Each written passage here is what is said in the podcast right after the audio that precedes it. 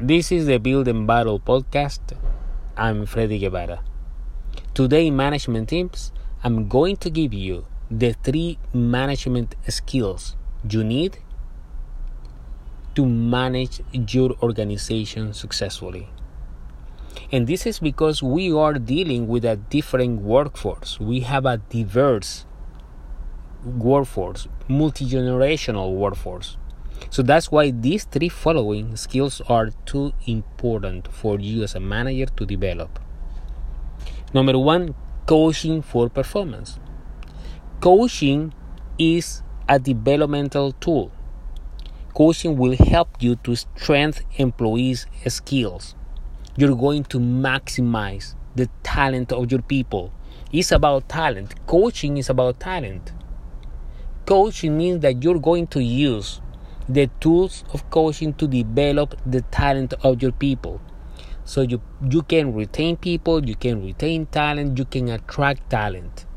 Managers that are coaches retain and attract more talented people because those people know that the managers are going to do whatever they have to do to develop the talent they have coaching is about talent, especially when you're focused on performance.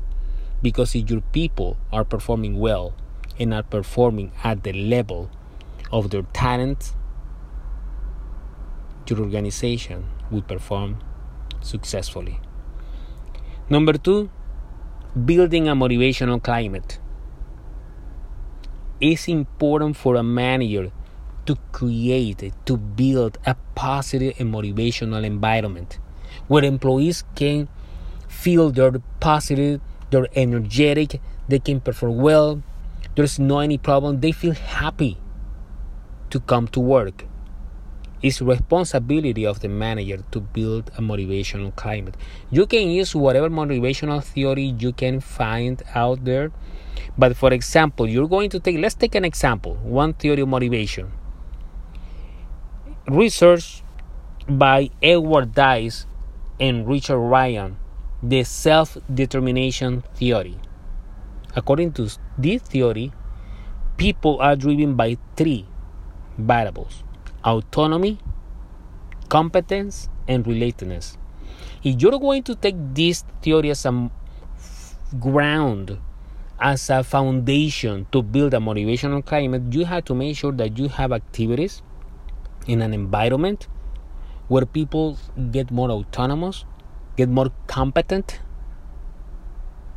and can build positive relationships. Because remember, self determination theory is about autonomy, competence, and relatedness. And number three, delegating. But delegating for growth and development. If you as a manager you want to grow, you have to let your people grow. And how people grow, how people develop their skills and their talents when you delegate activities and you challenge your employees to take the next level. That's how you help your people to develop their skills, to take more responsibility. Because in that way they free you up and you can move up because you're going now to be focused on more managerial activities where you can add more value to your organization and you can grow as a manager too. You can grow from frontline manager to middle manager and to top management. The only way that you can grow is if your people grow. That's what I believe. I don't think that other managers that think, oh no, if my people get better than me, now I'm in problem. No, you're not in problem.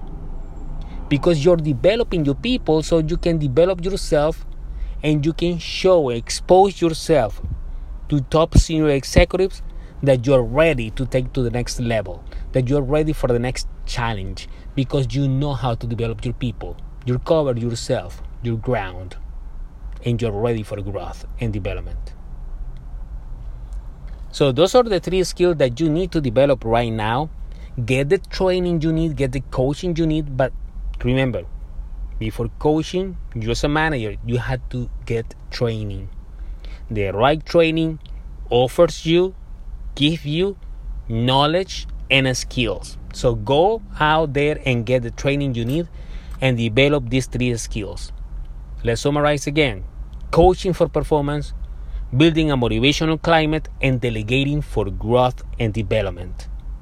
I hope this skill, these tips now that you know that you have to develop as a manager, can help you to become a better manager in your organization. At the end of the day, everything, everything is about people, your people. In the meantime, I wish you the success you deserve. Build and battle until the next time.